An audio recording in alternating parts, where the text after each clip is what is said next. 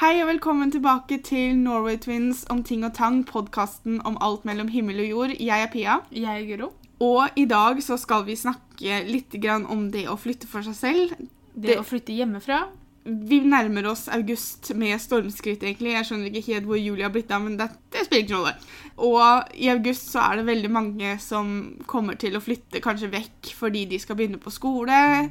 Det kan være ganske skummelt. Jeg tror vi også la fram når vi spurte om eh, ting som vi skulle snakke om, og spørsmål og sånt til den podcasten her, så tror jeg vi la, la det fram litt feil. For vi fikk også noen spørsmål om eh, hva vi skulle studere. Men det er ikke jeg og Pia som skal flytte hjemmefra, eller som skal begynne å studere. Det, vi, det har vi gjort alt. Ja. Vi skal heller bare snakke om våre erfaringer rundt det, og Ja, for vi har fått en del spørsmål sånn underveis om tips til å flytte for seg sjøl, eller erfaringer om det å flytte for seg selv og sånn. Og jeg og Guro er egentlig ganske vant til å flytte. Vi har flytta kanskje litt uvanlig mange ganger i løpet av livet. ja. Du begynner vel å nærme deg 20 ganger nå, gjør du ikke? Jo, jeg tror det. Ja. Hvis jeg hadde satt meg ned og telt etter, så tror jeg jeg hadde begynt å nærme meg 20. Vi har vokst opp eh, i en eh, det vi kan kalle rastløs familie. Ja. Og vi har alltid bodd i Moss mens vi var små. Så har vi bare flytta diverse steder innen Moss. Det er ikke mange av flyttingene egentlig jeg husker som ja. Jeg tror den første flyttinga jeg husker, er når vi flytta til Bindeveien. Og da gikk vi første året på ungdomsskolen. De andre har jeg på en måte ikke vært veldig involvert i, for det var første gangen vi pakka ut vårt eget rom og Jeg tror jeg husker litt av når vi flytta til Ørlunden når vi var åtte, men det er ikke mye sånn Jeg husker litt om hvordan leiligheten så ut når vi flytta inn, fordi det var en del som måtte gjøres, og jeg Ja. husker den lukta som var i leiligheten, men jeg husker ikke noe av selve flyttinga, for jeg mener at vi sov hos mor med bestefar, mens mamma Ja. og pappa tok seg av det. Ja, jeg tror det. Når vi flytta til Bindeveien, så var vi litt mer involvert, for jeg husker at Stine var med å pakke ut esker på rommet mitt. Og første gang vi flytta for oss selv Du flytta jo til Tønsberg først. Ja, jeg flytta til Tønsberg i 2004. Det var året vi var ferdig på videregående. Da skulle jeg studere i Tønsberg, så jeg fikk meg en eh, leilighet der. Jeg hadde leiligheten jeg tror et halvt år ish. Bodde der svært, svært lite. Eller var der svært lite, heter det. Leiligheten min lå jo over en pizzasjappe. Eh, Det var ikke pizzasjappe, det var en sånn kro. Oh, ja. pub, nesten. Som, for jeg husker jeg spiste der nede én gang, og da spiste jeg sånn stekte nudler eller noe sånt. Det som irriterte meg med det stedet, var det at hver eneste natt så gikk brannalarmen. Fordi at det var et eller annet feil på det systemet, så da måtte jeg stå opp, og så måtte jeg gå ned i gangen, klatre opp en stige og trykke på en knapp. Ja, for det var ikke brannalarmen hos deg? Nei, det var den brannalarmen nede på den uh, restaurant-type tingen. Ah. For første natta det skjedde, så ringte jeg jo han som jeg leide av. For det var han som drev den restauranten. Så jeg nå går brannalarmen. Liksom, hva gjør jeg? Nei, du må bare klatre opp på den stigen og trykke på den knappen. Bare, Så det var et problem han var klar over, da, andre Ja. så jeg liksom bare, så fint. Ok, er det min jobb, siden jeg bor her? Eh, jeg bodde jo der gjennom vinteren, og herregud, det var kaldt! det er en av de kaldeste leilighetene Altså, jeg vet ikke hvor isoleringa var igjen. Den, den tror jeg lå på lastebilen som bygde huset. altså. Mm. Det var altså så kaldt der. Pia og Helene sov hos meg et par ganger, og vi sov altså i joggedresser. Helene hadde på seg lue og skjerf og votter og sånn når hun sov. Helene har jo alltid vært litt sånn frysepinne, så hun fryser jo ganske Ja. kjapt. da. Jeg fryser jo ikke like kjapt, men til og med jeg var godt påkledd altså hjemme hos deg. Og det var, det Og var mareritt å skulle gå og dusje. Der dusjen var, det var i et rom ute i gangen. Det var bare min. Det var, altså, det var, jeg delte den ikke med noen, men det, jeg måtte liksom ut av leiligheten min da, og inn på et rom, og der var det i hvert fall kaldt. Og, der, og så litt lenger bort så var doen. Det var ikke den beste leiligheten, da, for å kalle det det. Jeg føler at det, det kanskje er en veldig klassisk førstegangsleilighet. Første gang man flytter for seg Ja. selv. Typisk. Eh, det var jo ikke en offisiell Det var jo ikke en offisiell studenthybel, men det er en Nei. typisk leilighet, eller standard på leilighet, som kanskje man kan forvente som student. For det her var i 2004, som sagt. Og jeg betalte jeg tror jeg betalte 2800 kroner i måneden. For Det er jo helt sykt. det er jo veldig billig, med tanke på at jeg hadde st- alt for meg sjøl. Jeg Ja. hadde eget bad, jeg hadde egen dusj, jeg hadde eget kjøkken, jeg hadde soverom, jeg hadde stue. Men når du tenker på hvor La oss kalle det dårlig, da. Han var, så, så, så var det kanskje litt mye penger igjen. Jeg syns i Um, hvert fall ikke han var verdt noe mer. Nei, det var han ikke. Eh, Jeg var såpass heldig at jeg bodde tvers over veien for en menybutikk. Jeg kjøpte mye middag liksom, i varmeskapet der, eller plukka sånn salatbar og sånn, fordi at kjøkkenet mitt var veldig tynt og smalt. Jeg hadde to kokeplater. Jeg hadde ikke oppvaskmaskin. Det var veldig sånn slitsomt å lage mat der, for å være helt ærlig. For du hadde vel Du hadde stekeovn, men det var vel sånn som sto oppå benken, fordi det var sånn typisk sånn hybelovn, Ja, eller hva de kaller det. så jeg hadde jo, Den stekeovnen stolte jeg ikke på i det hele tatt, så jeg kunne bare bruke kokeplatene. Det var jo lenge før jeg på en måte forelska meg i det å lage mat, så det å lage mat ble jo egentlig bare et ork. Jeg mener jeg husker at når vi er og Helene var hos så tror jeg vi lagde taco av alle ting. Ja, og det skjønner ikke hvordan vi fikk det til engang. Men det som var, var jo det at når jeg begynte på lærerskolen, så skulle vi jo egentlig, skulle egentlig Helene, jeg og Pia dele leilighet. Fordi at Helene skulle gå på lærerskolen, hun også, og på det skulle Pia òg. Pia måtte ta opp en eksamen, så hun kunne ikke begynne samtidig som oss. Og Helene bestemte seg for at hun hadde ikke lyst til å flytte til Tønsberg likevel. Så den planen gikk liksom litt i vasken, så jeg ble litt sånn Ja, nei, men da må jeg finne meg leilighet, for jeg skulle tydeligvis bo i Tønsberg alene. Jeg, det endte jo opp med at jeg dro hjem nesten hver dag sammen med Helena likevel. Fordi jeg kjente ikke noen i området der jeg bodde. Jeg kjente ingen i klassen unntatt de som pendla fra Moss. Og det var en tid som ikke jeg var så veldig flink til å ta kontakt med nye mennesker. Jeg husker det var en leilighet som lå vegg i vegg med meg. Det var noen gutter som leide. Og det, de, Vi hadde egen inngang, så de var, de, liksom, jeg hadde ikke noe med dem å gjøre, unntatt at jeg hørte dem veldig godt innimellom gjennom veggen. Så det hadde jo vært en ypperlig mulighet til å bli kjent med noen, men det klarte jeg jo ikke. Jeg kan vel kalle meg veldig ensom der, da. Og så sleit jeg også med det at fordi det var så kaldt, så sleit jeg med å stå opp om morgenen. For det å stå opp på morgenen og møte opp i forelesningene når, så fort jeg gikk ut av senga, så var det sånn Det var jo nesten varmere å gå ut. Ja, så jeg, så jeg hoppa alltid over første forelesninga fordi at jeg måtte liksom Leiligheten måtte varme seg litt opp før jeg kunne gå ut av senga. Så det er en morsom historie nå. Jeg trivdes jo ikke noe godt der. Det er en erfaring. Ja. Og du flytta jo lengre vekk enn det jeg gjorde. Ja. Jeg vet ikke om man kan kalle det egentlig å flytte for seg selv, men jeg liker å kalle det det. Altså, du betalte jo husleie. Ja, Og jeg du måtte stå for alt sammen bodde sjøl. jo for meg selv, men jeg bodde i utleieleiligheten hos mamma og pappa. Hadde du vaskemaskin? Eller vaska mamma klær? Jeg vaska mine egne klær, men jeg vaska dem hos mamma og pappa. Men det er jo litt rart, for det var jo ikke alltid du som bodde der. Men de tok kanskje med seg Det, Eller var det vas Nei, det var vaskemaskin inne på badet, var det ikke det? Jeg prøver å huske, men det var plutselig veldig vanskelig. Tror ikke jeg hadde vaskemaskin. Jeg tror jeg valgte å ikke ha vaskemaskin, for jeg bare gikk opp og vaska klærne mine hos mamma og pappa. Du hadde jo den muligheten. Men jeg gjorde det jo sjøl. Jeg la dem ikke bare opp, og så vaska mamma dem. liksom. Jeg, Nei, nei. jeg vaska dem selv, men jeg, jeg tror jeg ikke kjøpte meg vaskemaskin. Men jeg hadde oppvaskmaskin, det husker jeg. Ja. Så jeg fikk jo litt grann erfaring med det å bo for meg selv, samtidig som jeg på en måte ikke gjør det. Jeg Altså, bare du bytta rom. ikke- Du bodde jo ikke langt unna, men ja, du måtte jo betale for det. Så da ville da Ja, jeg betalte jo mer enn deg. Ja, du betalte, betalte jo ikke 6000 i måneden eller noe? Nei, er du smårar, eller? Jeg, jeg betalte 3000 i måneden, betalte jeg. Ah, ja. For leiligheten min var vel Jeg tror han var mindre enn det du hadde, egentlig. Han var bare lagt opp annerledes. Ja, Så størrelsesvis så hadde du faktisk større leilighet enn meg, men jeg betalte 3000 i måneden, for jeg jobba jo på Meny. Det ble en sånn frihet på en måte at jeg følte liksom at jeg faktisk hadde noe Ja, for det var jo ikke en plass for meg selv, og jeg hadde kjøkken for meg selv, og jeg liksom fikk den, den greia med at jeg måtte lage meg mat selv, og ikke det at det var sånn kjempe Altså, jeg spiste middag sammen med mamma og pappa innimellom, det var ikke det. Jo, men det er lov. Men jeg bodde jo ikke der egentlig noe lenger enn det du bodde i Tønsberg, for vi i desember 2004 var det vel, så, bestem, så hadde Guro da funnet ut at hun ikke ville bo i Tønsberg lenger. Jeg fant vel ut at det var ikke noe vits i, for jeg var jo ikke der likevel. Men så hadde du vel heller egentlig ikke lyst til å flytte hjem. Nei, jeg merka jo det når jeg flytta hjem, så sov jeg jo jeg, Det var jo en måneds tid som jeg bodde hjemme, la oss kalle det det, da. Og jeg sov jo hjemme hos mamma og pappa hver gang jeg var i Moss og sånn. Og det var et eller annet med det at det var gøy å klare seg sjøl. Ja. Det var liksom det man egentlig hadde gått og venta litt på. ikke sant? Det å kunne liksom pakke tinga sine og si takk for meg, det har Mm. vært uh, veldig hyggelig, og nå kommer jeg snart på besøk igjen. ikke sant? Det var litt deilig. Mm. Så det å flytte inn igjen til mamma og pappa, det var litt sånn, det var ikke det at det var vanskelig. herregud, Det hadde gått helt fint om jeg bodde der lenger òg. Jeg vet ikke om det var ønskelig fra dømmes side heller. Det er sikkert veldig deilig også når ungene forlater redet, for å kalle det det. da. Så jeg er veldig glad for at vi fant den leiligheten vi fant. Selv om det heller var vel kanskje ikke verdens beste leilighet sånn sett. Jeg syns jo det, men selvfølgelig, det hadde jo sine feil. Men jeg og Guro Tingen er at jeg husker ikke hvordan Jeg tror Eh, pappa hadde sett den i avisa eller noe sånt. Det var noe Ja. sånn, Han hadde utlyst den i avisa. For jeg var ikke med på visninga. Nei, det det- var det du og mamma og pappa som var, tror jeg. Jeg vet ikke om pappa var med heller. Jeg tror det var meg og mamma. Og vi uh, fant oss en leilighet som faktisk Ja, han er vel 200 meter fra der jeg bor i dag. Og uh, lå over et bakeri.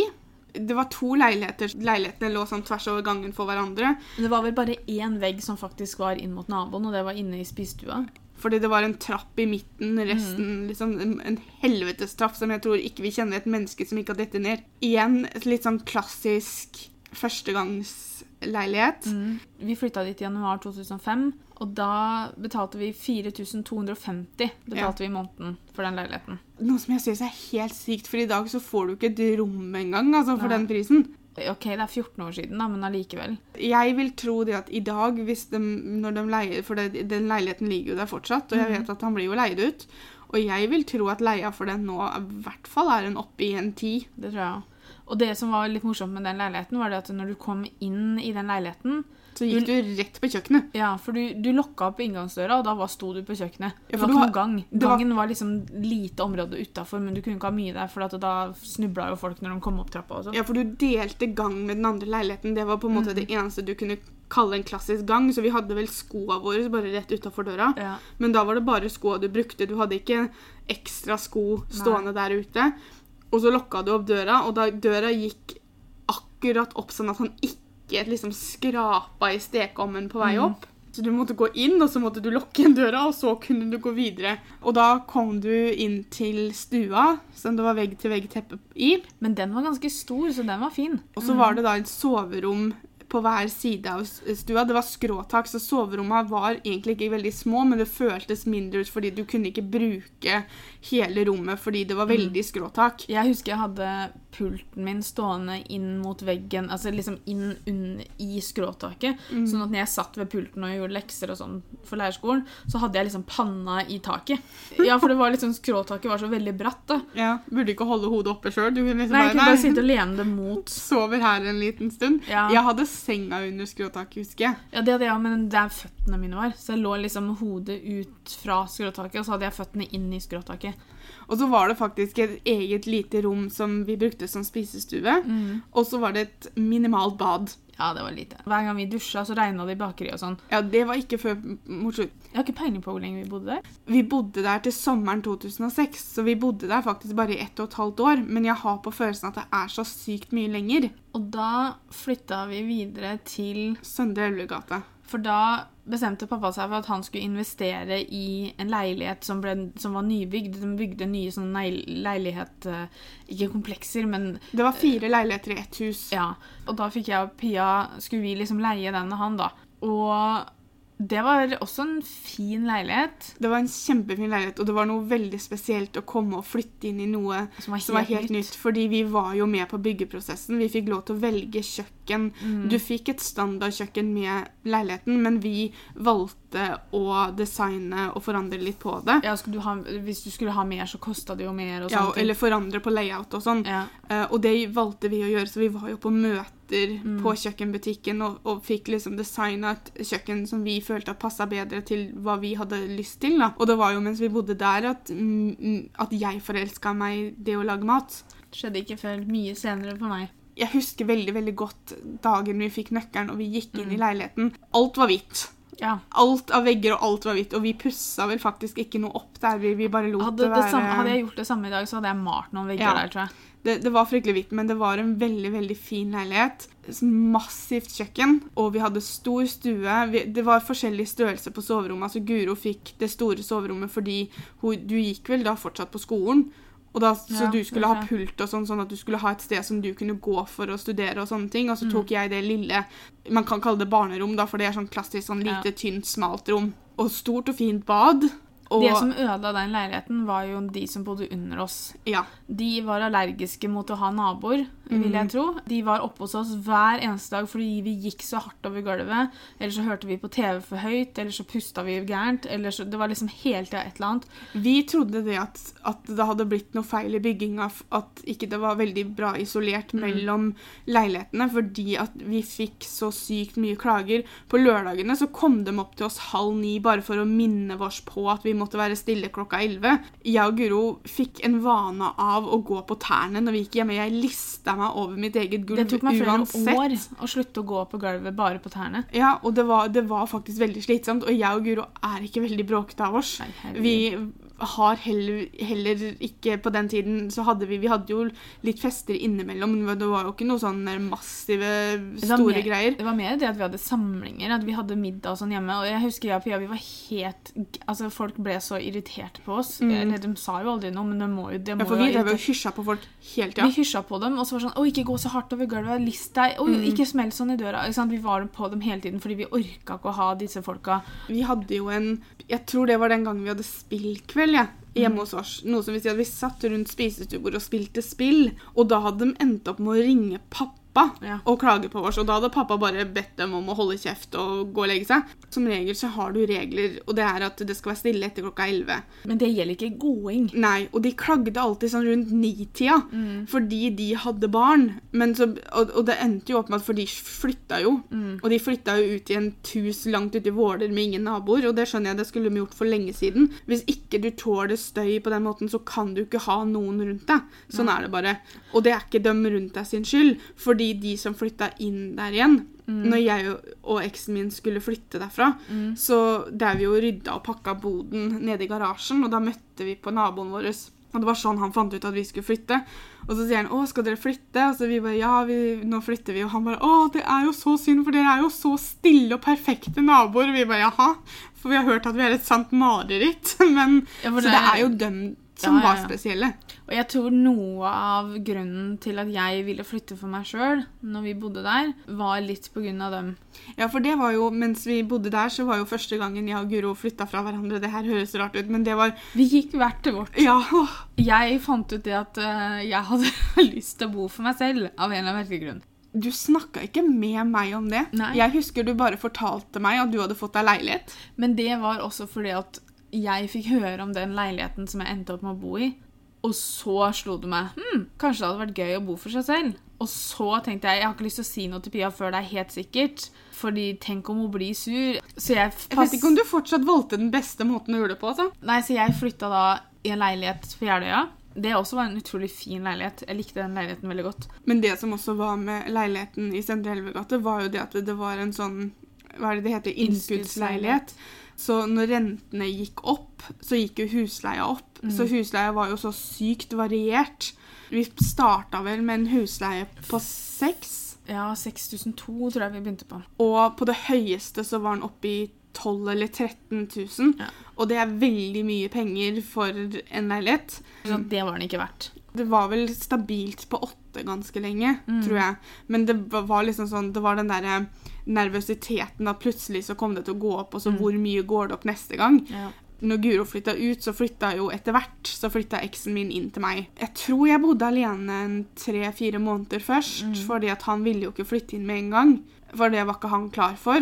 Jeg tror han flytta inn kanskje i 2000 og, slutten av 2007. ja, kanskje. Jeg husker, For jeg bodde ikke så veldig lenge i Søndre Elvegate. og så flytta jo jeg og eksen min fra Søndre Elvegate da i januar 2009, rett etter at mormor døde. Så flytta vi Men det som var, altså jeg bodde jo for meg selv, som la oss kalle det da. Men jeg sov jo på sofaen hos Pia og eksen hennes tre uker av gangen og sånn. Men nei, jeg bodde ikke der, jeg bare hadde mitt eget sted. rundt når mormor ble syk, og, og der, så, så var du jo hos oss hele tiden. Jo, men, men det det- er en litt spesiell situasjon. Jo, men det var ikke den eneste gangen det skjedde heller. Si det, det sånn. det var det ikke. Nei. Jeg tror vi solgte leiligheten rett før mormor døde. Og så begynte vi da flytteprosessen rett etterpå, og da flytta jeg, utrolig nok, eh, flytta jeg og eksen min rett borti gata for leiligheten til Guro. Ja. Og da sov hun faktisk hos seg sjøl, gitt. Ja. Jeg hadde vel sånn tre minutter å gå, og så var jeg hos deg. Ikke det engang. Jo, vi, vi bodde ganske langt inn, skjønner du. Ja, stem ja, stemmer det. Vi bodde på en måte helt innerst i veien der du bodde. Og det var igjen da en utleieleilighet i kjelleren av et, av et hus som ble litt av en opplevelse og litt av en prosess. 2009 var flytteåret. For da flytta vi dit i januar 2009, og allerede ganske fort, tror jeg det var, så fant vi mugg langs hele den ene veggen på soverommet. Nei, det begynte rundt vinduet. Og vi visste ikke helt hva det var med en gang, så vi bare vi vaska det bort. Og så tenkte vi ikke noe særlig mer over det. Og så hadde vi jo gardiner som var for hele tiden, fordi det var et sånt vindu du så rett inn i. Og så skulle vi vaske da neste gang, og da tok vi for gardinen igjen, og da hadde det kommet tilbake igjen. Og da begynte eksen min å skjønne tegninga litt om at det her ser litt sånn rart ut. Så vi på en måte skulle sjekke de andre romma som hadde delte samme veggen, da, og fant da mugg i klesskapet, for det var sånn innebygd garderobeskap i gangen utafor soverommet, og på da gjesteværelset. Så det var mugg da langs hele den veggen. Og vi var unge, vi hadde ikke all verdens av erfaring, så det jeg og han gjorde, var at vi flytta ut i stua og sov der. Fordi at han, han sa det at vi kan ikke sove i rommet med muggen, liksom. Mm. Så, vi, så jeg sov på sofaen, og han sov på to madrasser på gulvet. Ja, For dere begynte ikke flytteprosessen med en gang, eller? Vi klagde ikke med en gang heller. Nei. Og igjen så er det fordi at vi var unge. Vi leide av en veldig hyggelig mann, og vi betalte vel 5000 kroner i måneden, tror jeg. Og det var to soverom. Det var litt for mange edderkopper til at jeg liksom tror jeg hadde blitt boende der veldig lenge uansett. Men det var en veldig fin leilighet. Ja, ja. Mari er vel den eneste av vennene våre som så den. Så, vi- Helene òg var vel der, var det ikke det? Nei, jeg tror faktisk ikke det. Vi begynte å klage, men så var han litt lei å ha med å gjøre akkurat når det gjaldt det her. Han ville ikke helt nesten liksom sånn ta imot kritikken. Han ville ikke gjøre noe med det. Nei. eh, For han mente at ikke det var mugg. Så det endte da opp med at vi fant oss en ny leilighet. Og da igjen så blei han litt sånn gnien når vi skulle flytte så fort. Mm. Men som vi sa, at vi har valgt nå å ikke gjøre noe mer med det her. Men Mm. hvis du blir vanskelig på det, så, så må vi liksom få inn hjelp. Fordi at vi kan ikke bli boende her, for vi, kunne, vi sov i stua. Mm. Og jeg tror vi sov i stua ja, Det ble vel en tre eller fire måneder, for vi flytta da inn i den nye leiligheten 1. mai 2009. Da flytta vi inn i Olavs gate, og morsomt nok, det er 200 meter fra leiligheten min i dag også, bare andre veien enn første leiligheten jeg og Guro bodde i, så jeg har bodd tre steder på samme gata. Og igjen, veldig fin leilighet. Det var i, i et hus med Jeg tror det var tre leiligheter i det. Det var én leilighet nede og to oppe. Vi fikk da den i første etasje. Veldig fin leilighet. Der var det bare ett soverom. Og ganske liten stue. Det er vel den minste leiligheten vi bodde i, tror jeg. Ja, det tror jeg. Men hjemmekoselig, vil jeg vel egentlig si. Og igjen, det, der er det bare Mari og Maria som har vært, tror jeg. Mm. Ingen av de andre rakk å komme dit heller. Det var veldig koselig. Vi hadde stor hage. Og litt sånn fordi det, vas det var vaskekjeller, så du måtte ta med Hvis du skulle vaske klær, så sto vaskemaskinen og sånn i kjelleren. Kjeller og meg er ikke, det er ikke min beste venn, så det syns jeg var litt sånn ubehagelig. Men altså, man overlever altså, Det var ikke nødvendigvis det at jeg måtte ut av min egen leilighet for å vaske klær. Det var mer det at jeg måtte inn i den kjelleren. Mm. Og Guro bodde fortsatt der hun hadde bodd når hun flytta ut fra meg. Og så kom det da til 17. mai. Vi hadde bodd i den leiligheten i 17 dager. Og våkner på 17. mai av at hun ene som bor i leiligheten over oss, driver og banker på ruta vår som en gal. Det er ikke den hyggeligste måten å våkne på, for du blir litt sånn redd, for du skjønner ikke helt hva som skjer. Jeg vekker eksen min, for jeg blir liksom sånn Kan du gå og se hva det er? For jeg tørde ikke. Og da er det altså hun som bor over oss, og hun er så dopa at hun klarer ikke å låse opp ytterdøra. For vi har jo da en felles ytterdør, og så må de bare gå opp en trapp for å komme til leilighetene sine. Og han går ut for å prate med henne først, fordi at hun blei litt sånn aggressiv. Og jeg syns hele situasjonen var veldig veldig ubehagelig. Litt fordi at jeg hadde aldri møtt et dopa menneske før på den måten. Hadde du møtt henne før, da? Ja, hun hadde vi sagt hei til et par ganger. Okay. Jeg har ikke nødvendigvis fått alle detaljene, for at jeg er en sånn person som kan bli litt sånn smånervøs. Så han valgte å ikke dele absolutt alle detaljene med meg, men jeg vet at hun hadde mista veska si, og da hadde det dette litt dop ut, som hun prøvde forgjeves å plukke opp, som hun ikke helt klarte, fordi at hun, hun forsvant litt sånn Hun sovna litt i steget. Så han ble litt bekymra for henne, så det endte opp med at Nei, forresten, det var ikke vi som ringte politiet, det var, noen, det var det nabohuset som hadde gjort. Fordi at hun skreik så fælt. For det her var, klokka var seks om morgenen eller noe, og hun drev og hyla og skreik så fælt. Så naboen hadde ringt politiet, så de dukka opp. Og rett før de kom, så blei hun så sinna at eksen min måtte Jeg hadde lokka opp vinduet i stua fordi at jeg skulle prøve å få med meg litt i hva som skjedde. Og det endte opp med at eksen min kom hoppende inn av det vinduet og bare smalt vinduet igjen og låste det fordi at hun hadde blitt så sinna på den, så hun hadde begynt å fly på den. Og rett etter det så kom politiet. Og det satt en litt sånn støkk i meg. Eh, hun ble ikke boende veldig lenge etter det. Det han vi leide av skal ha, er at han kom og prata med oss etterpå. Passa på at vi var fortsatt komfortable med å bo der, og beklaga seg. Og han passa på oss, da. Eh, og det, det satte jeg veldig pris på, for det er ikke alle som hadde gjort det. Så kom da eksen min inn på skolen den sommeren og flytta til Tønsberg. Ja, Dere flytta jo til meg først. Begge to. Ja, men det var jo fordi at han skulle flytte til Tønsberg, for han fikk jo ikke leiligheten sin med en gang, og vi sa jo opp leiligheten. Så innen august 2009 så hadde vi flytta ut av den leiligheten igjen. Ja. Og da flytta vi inn til Guro. Der ble det folksomt. Så i 2009 så flytta jeg tre ganger på et halvt år nesten. Så det var nok av flyttinger, men da endte vi da opp hos Guro. Guro var såpass snill at hun tok oss inn i varmen. Når da eksen min flytta til Tønsberg for å gå på skolen, så ble jeg boende hos Guro. Planen var på en måte at jeg da bare skulle bo der lite grann, for jeg hadde vel egentlig tenkt å begynne på skolen året etterpå, for jeg kom ikke inn på skolen det året han kom inn. Var det i 2010 vi flytta hit du bor nå? Ja, Ja. for da so sommeren 2000 Nei, det var vel kanskje i mai? Nei, juni var det. Juni var det. Juni 2010 så flytta jeg og Guro da inn her, vi bor, her jeg bor i dag. Og det var jo, altså, det var jo jeg som flytta strengt tatt. Pia ble jo bare med på lasset, for at hun skulle jo flytte ut etter hvert. Ja, jeg skulle jo fortsatt sin. flytte eh, sammen med han igjen. Mm. Men da samme sommeren, en, en og en halv måned etter at vi flytta inn her, cirka, så ble det da slutt Mm. mellom meg og eksen min.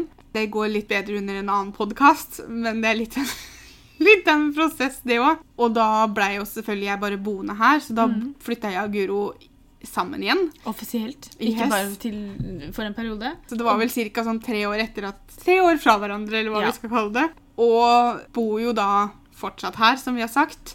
Jeg har hatt et par års pause, for jeg flytta til Halden fordi jeg gikk på skole der. Og så bodde jeg også et år i Newcastle, Eksen min flytta inn her sammen med meg, og så ble jo det slutt, så da flytta han ut. og da flytta jeg inn igjen. Og så flytta jeg ut, for jeg flytta sammen med Petter. Og jeg er her fortsatt. Ja, det går så fint sånn. Elsker å flytte. Jeg hater å flytte, pakke ned tinga, men Ja. jeg syns det er veldig spennende å pakke opp. Jeg elsker det å komme til et nytt sted og skal pakke opp og finne ut hvordan du vil ha det og sånne ting. Jeg var litt lei av det etter 2009. Da syns jeg det ble litt mye. Det er rart dere pakka opp i det hele tatt, spør du meg. Ja, det, det, ja, man skulle jo, Hvis vi hadde vært lure, så hadde vi gitt oss sjøl en fire måneders tid bare for å se. Ja. Blir vi Skal vi virkelig bli her? Men det var, det var jo alltid planen å bli, men så bare dukka det opp saker og ting som gjorde at ikke vi skulle bli. Jeg vet ikke om jeg hadde vært like glad i å flytte i dag. Det er litt sånn som du sier at det er alltid spennende å komme et nytt sted, men jeg er veldig glad i leiligheten jeg bor i nå. Det var også både vanskeligere og enklere når du flytta ut og flytta inn til Petter, eh, enn første gangen du valgte å flytte ut. Mm. Enklere i den forstand det at det føltes bedre for meg at du flytta til noe. Enn at jeg bare flytta for å bo aleine, liksom. Ja, dere som ikke ser på oss på YouTube, men nå føler jeg at dere kanskje har hørt nok av podkastepisodene til å vite det at jeg og Guro er ikke bare tvillinger, vi er bestevenner. Vi har alltid hatt et veldig nært forhold. Men når du valgte å flytte ut første gangen, så følte jeg veldig at du flytta fra meg. Ja. Denne gangen så flytta du til Petter, og det var ikke like sårt. For jeg, jeg følte ikke like mye den der at nå skal hun vekk fra meg.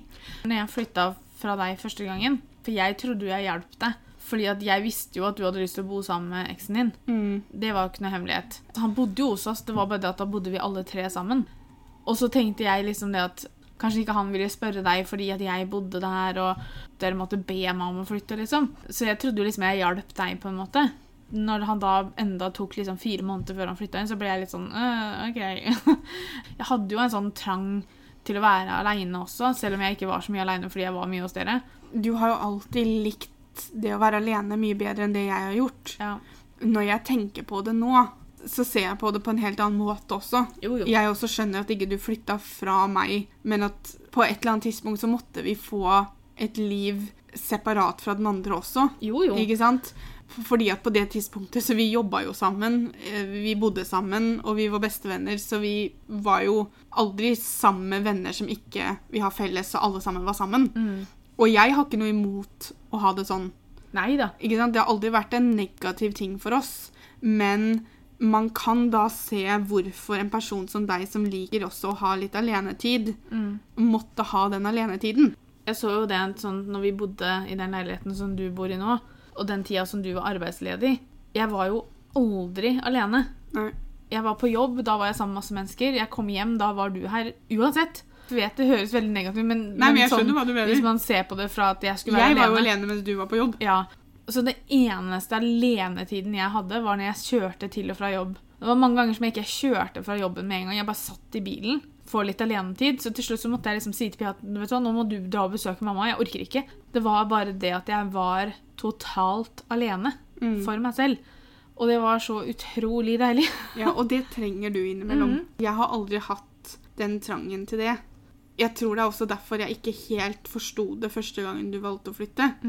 Når du flytta ut i 2017, Ja. visste jeg at da flytta du inn til en person du var forlova med. Altså, mm. Vi visste jo at det kom. Det, det var ikke akkurat sånn det sjokkerte meg. Nei. Du sa også fra litt tidligere. Mhm. Hvorfor jeg sa at det var både positivt og negativt, er fordi at det var på et tidspunkt i livet mitt der jeg endelig hadde satt ord på det med angsten. Men det var også en tid i livet mitt der angsten var ganske ille. Og det skremte meg da med at du ikke skulle være her sammen med meg. Mm. Kollegaer og sånn spurte meg liksom, ja, gruer du deg til Guro flytter ut? Og så sa jeg liksom at jeg, jeg, jeg gruer meg til å bo alene. Jeg er veldig spent på hvordan det kommer til å gå. Og så flytta du ut, og første, første kvelden husker jeg, den var ikke noe morsom. Nei. Og du var vel her egentlig ganske seint òg. Jeg tror det. Vi satt jo her og gråt. Vi har en vlogg fra det når vi sitter og griner i sofaen. Men det morsomme er jo det at så fort du dro, og neste natta, når jeg skulle legge meg da, så innså jeg jo det at jeg hadde jo bodd alene kanskje et halvt år allerede. Du sov jo hos Petter så å si hver kveld. Du, Ja. du kom hjem sånn innimellom fordi du da hadde kommet på at oi, nå har ikke jeg vært hjemme hos meg selv Mm. eh, på en og en halv uke, og så kom du hit, og så sov du her en natt, og så dro du igjen. Mm. og så var du borte i to uker til. Det var en sånn rar greie som jeg bare ikke hadde tenkt på. Det ble ganske tydelig når jeg satt her andre kvelden og følte liksom at dette er ikke noe annerledes enn hvordan jeg har hatt det i seks måneder nå. Nei. Jeg var så vidt inne på det i stad, men hun nevnte det at hun har bodd i Newcastle, og det er jo veldig mye man kunne snakka om rundt det å flytte til et annet land for å studere. Mm. Uh, Pia har noen videoer på det på YouTube-kanalen vår hvor hun snakker litt sånn i dybden om det. Det kommer flere Ja, for jeg har ikke gjort ferdig dem. Nei, men hun kunne jo også spilt inn en podkast, kanskje, hvis det er ønskelig. Nå har vi snakka litt om der jeg og Pia har bodd, og våre flyttinger og sånne ting.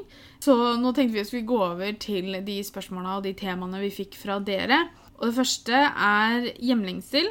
Og det er jo en veldig normal ting å ha, særlig hvis du flytter ut av byen du vanligvis bor i, eller flytter langt vekk fra familien din og sånne ting.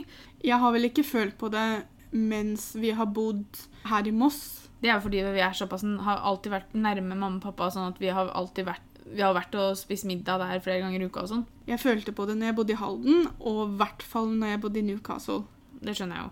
Jeg følte jo litt på det i Tønsberg òg, men ikke veldig mye fordi igjen jeg var mye hjemme. Det er helt lov å føle det. Noen har det til og med når de bor i samme by. Ja, ja.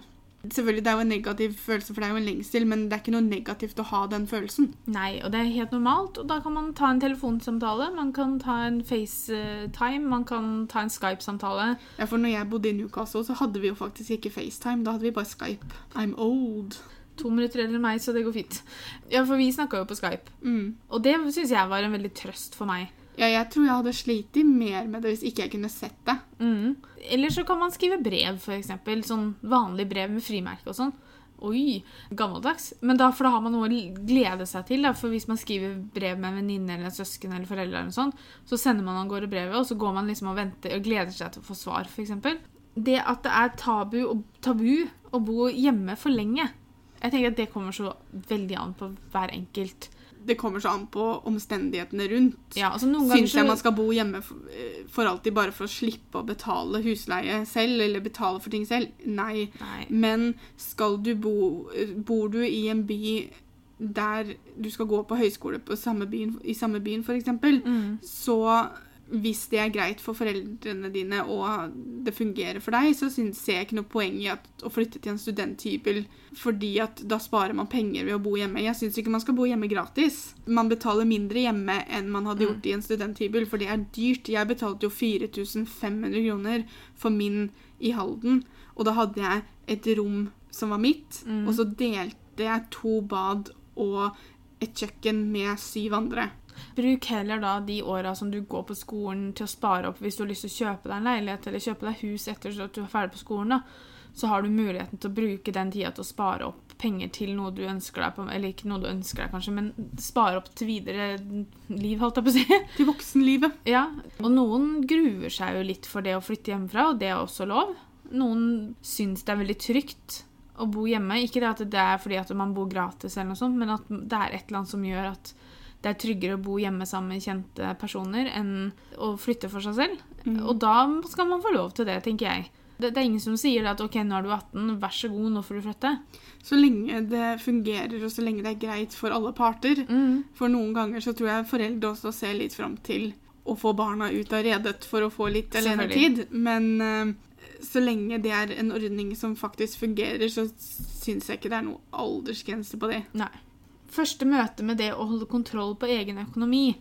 Og det tipset vi kan gi her, er jo det med budsjett. Å ha en oversikt over hva du får inn i måneden, hva som skal ut. Sette opp en liste over på en måte ting du må betale først. Og så kan du se på det du har igjen, og fordele det på de områdene du har lyst. Og det lønner seg veldig å sette opp en matplan. Jeg vet at jeg og Guro snakker fryktelig mye om matplaner, Ja.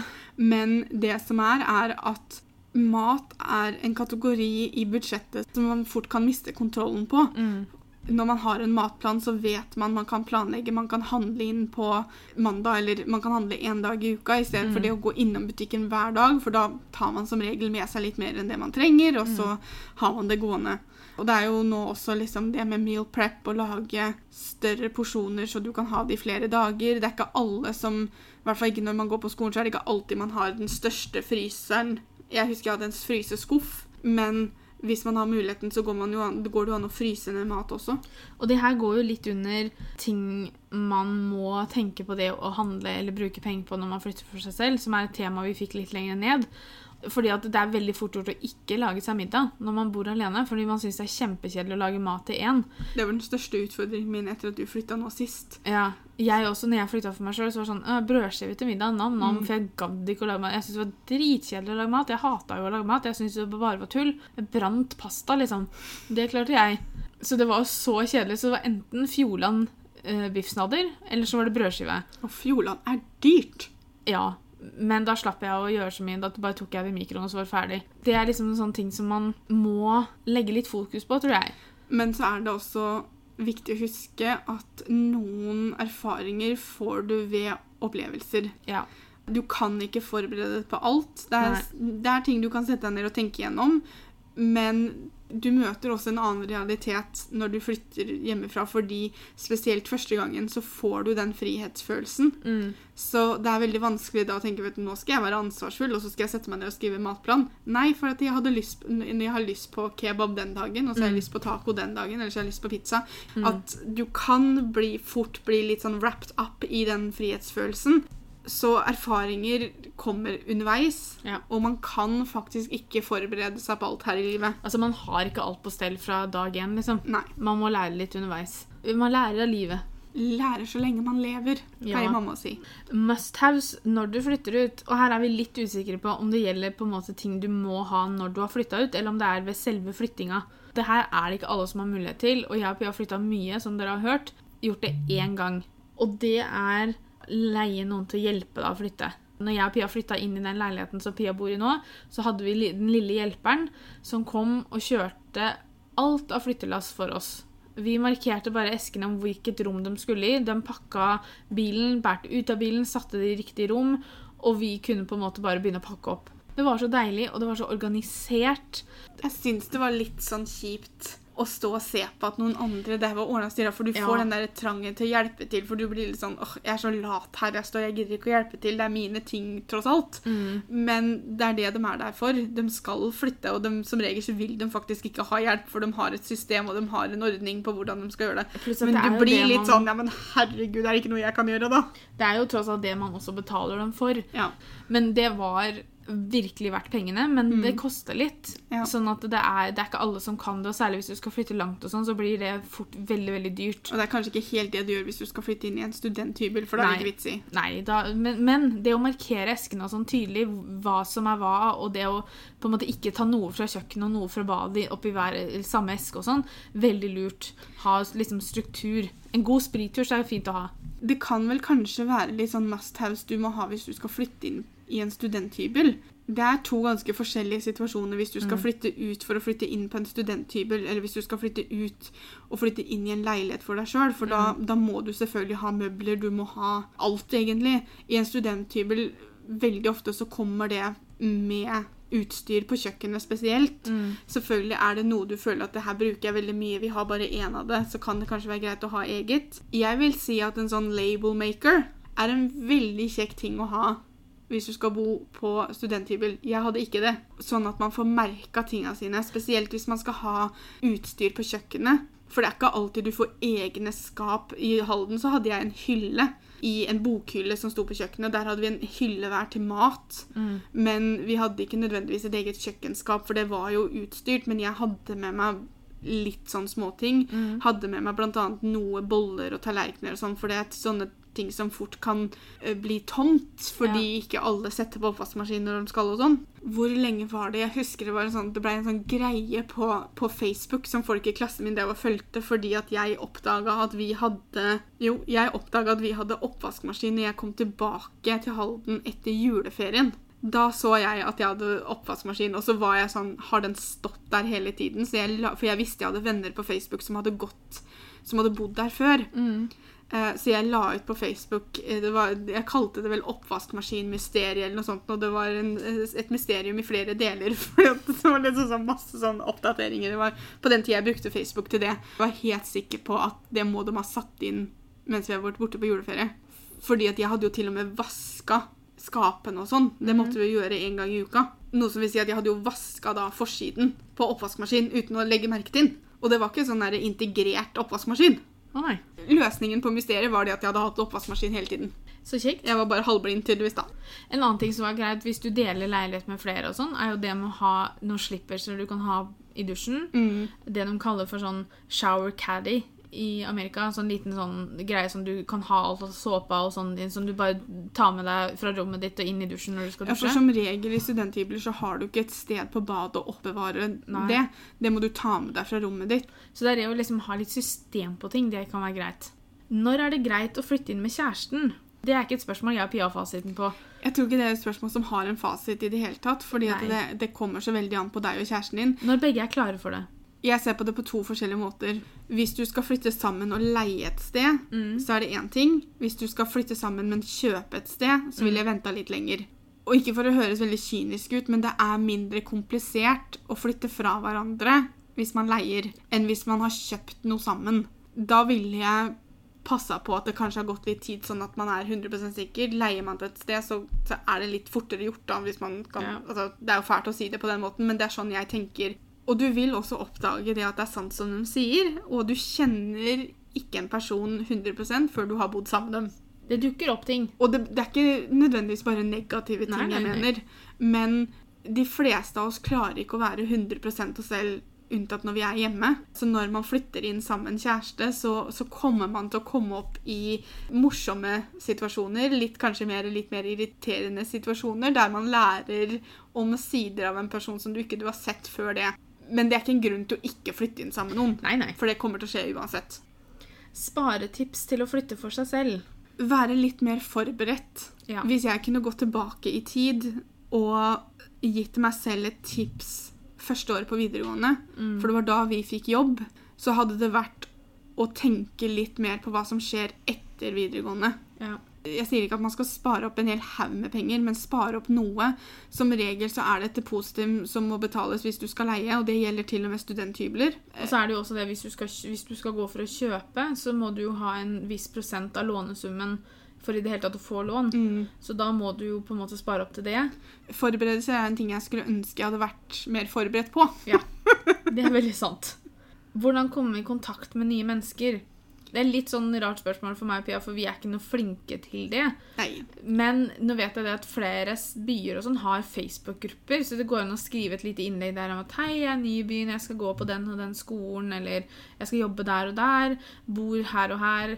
Er det noen som bor i nærheten eller går på samme skolen og sånn, som har lyst til å møtes og ta en kopp kaffe og prate litt, eller Bare spør om anbefalinger til ting å gjøre, så kan det Mhm. hende du blir invitert med på noe. Ja.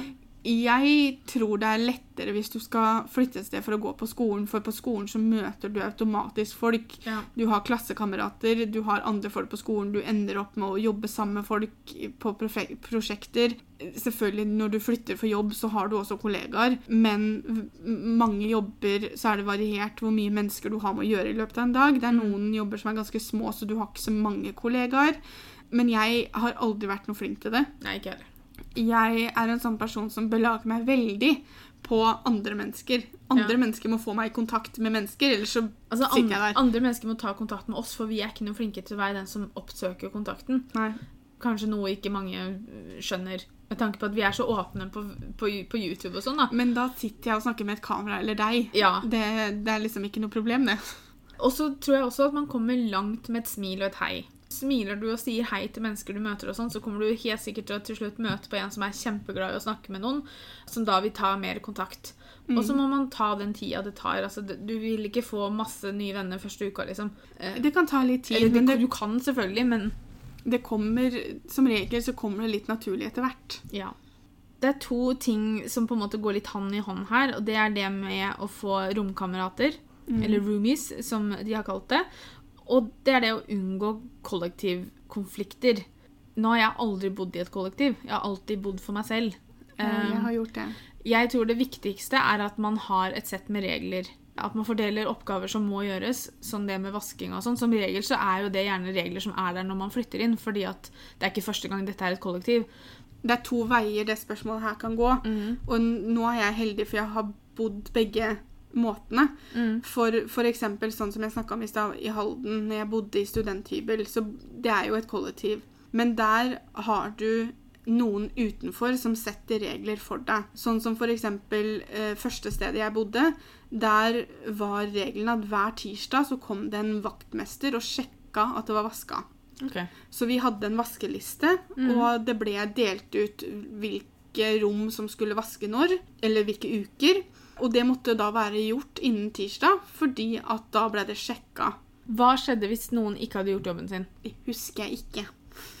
Nei, for å Si at liksom rom A da, hadde, hadde, var, det var rom A sin tur til å vaske over kjøkkenbenken. Og så kom tirsdagen, og så var ikke det gjort. Ble no, ble det, gikk det utover alle, eller var det da rom A som fikk det, sånn, konsekvensen? Jeg tror det gikk utover alle.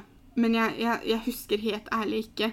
Vi hadde par personer som jeg eh, bodde sammen med, som, som ikke nødvendigvis var veldig glad i å vaske. eh, Og som sjelden gjorde det når de skulle. Men Nei. det blei til slutt til at de samla leiligheten og sa at nå må det vaskes. Okay.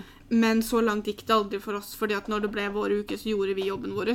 Men jeg har jo også bodd i det jeg kaller et privat kollektiv. Noe som var et hus som noen har kjøpt og leier ut til- til studenter.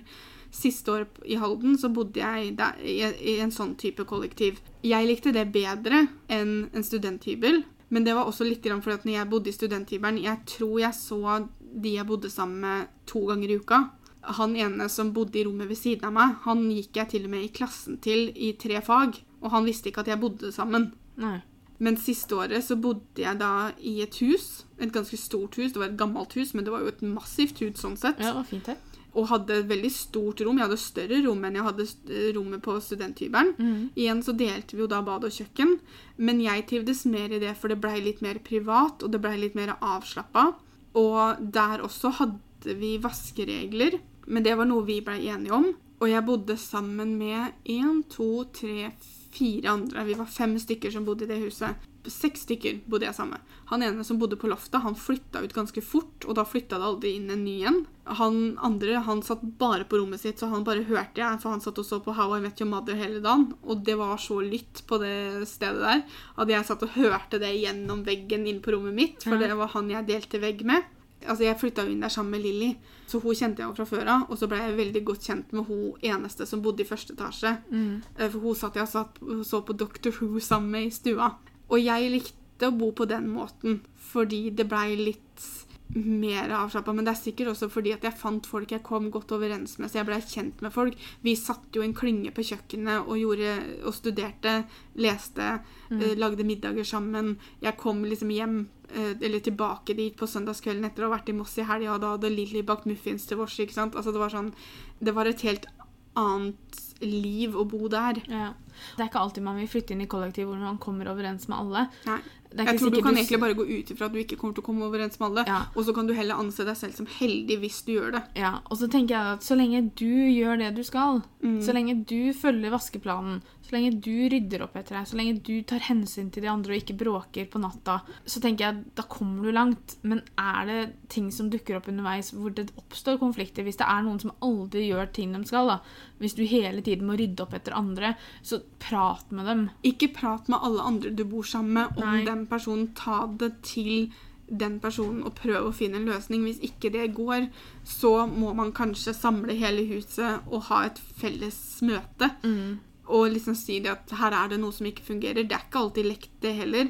Men igjen, nå har ikke jeg vært i den situasjonen, så det, det er vanskelig for meg å gi råd om.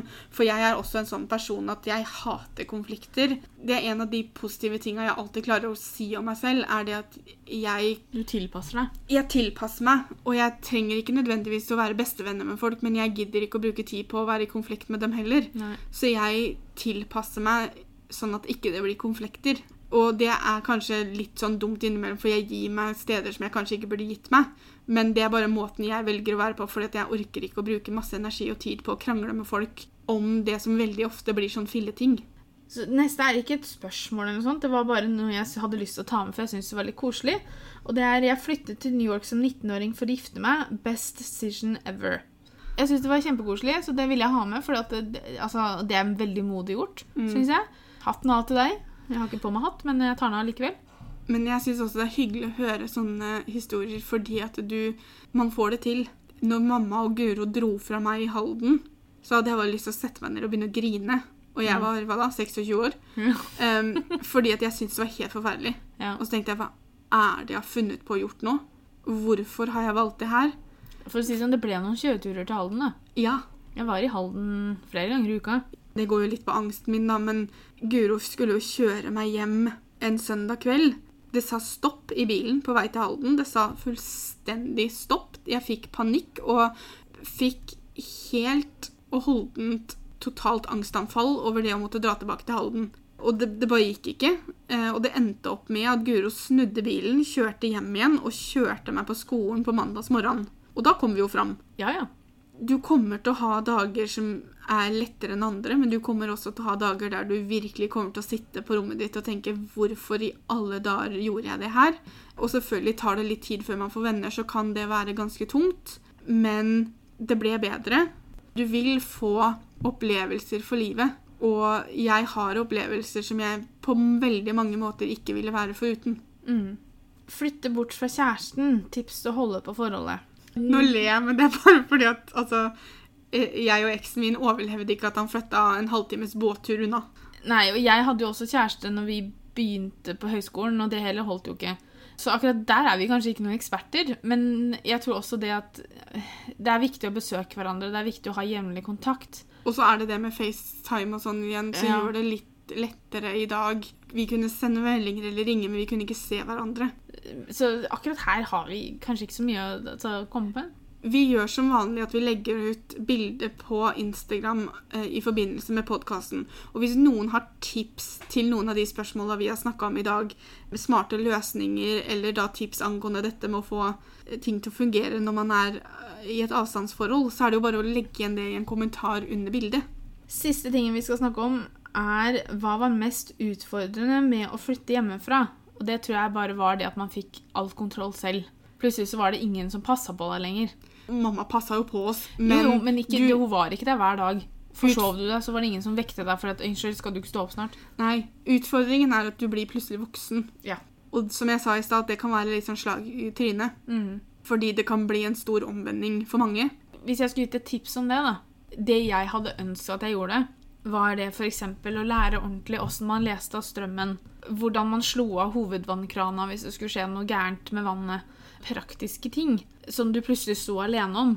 Det, eller hvis du ikke har vært veldig glad i å lage mat, eller føler at ikke du kan lage mat, spør om å få lov til å ha ansvaret for middagen én gang i uka i en tid før du flytter hjemmefra. Ja. Fordi at når du flytter hjemmefra, så må du faktisk lære deg å lage mat. Og da er det veldig positivt å ha noe trening under beltet før du Hvis du heller aldri har satt, satt på en klesvask, Mhm. få mora di eller faren din til å lære deg åssen en vaskemaskin funker.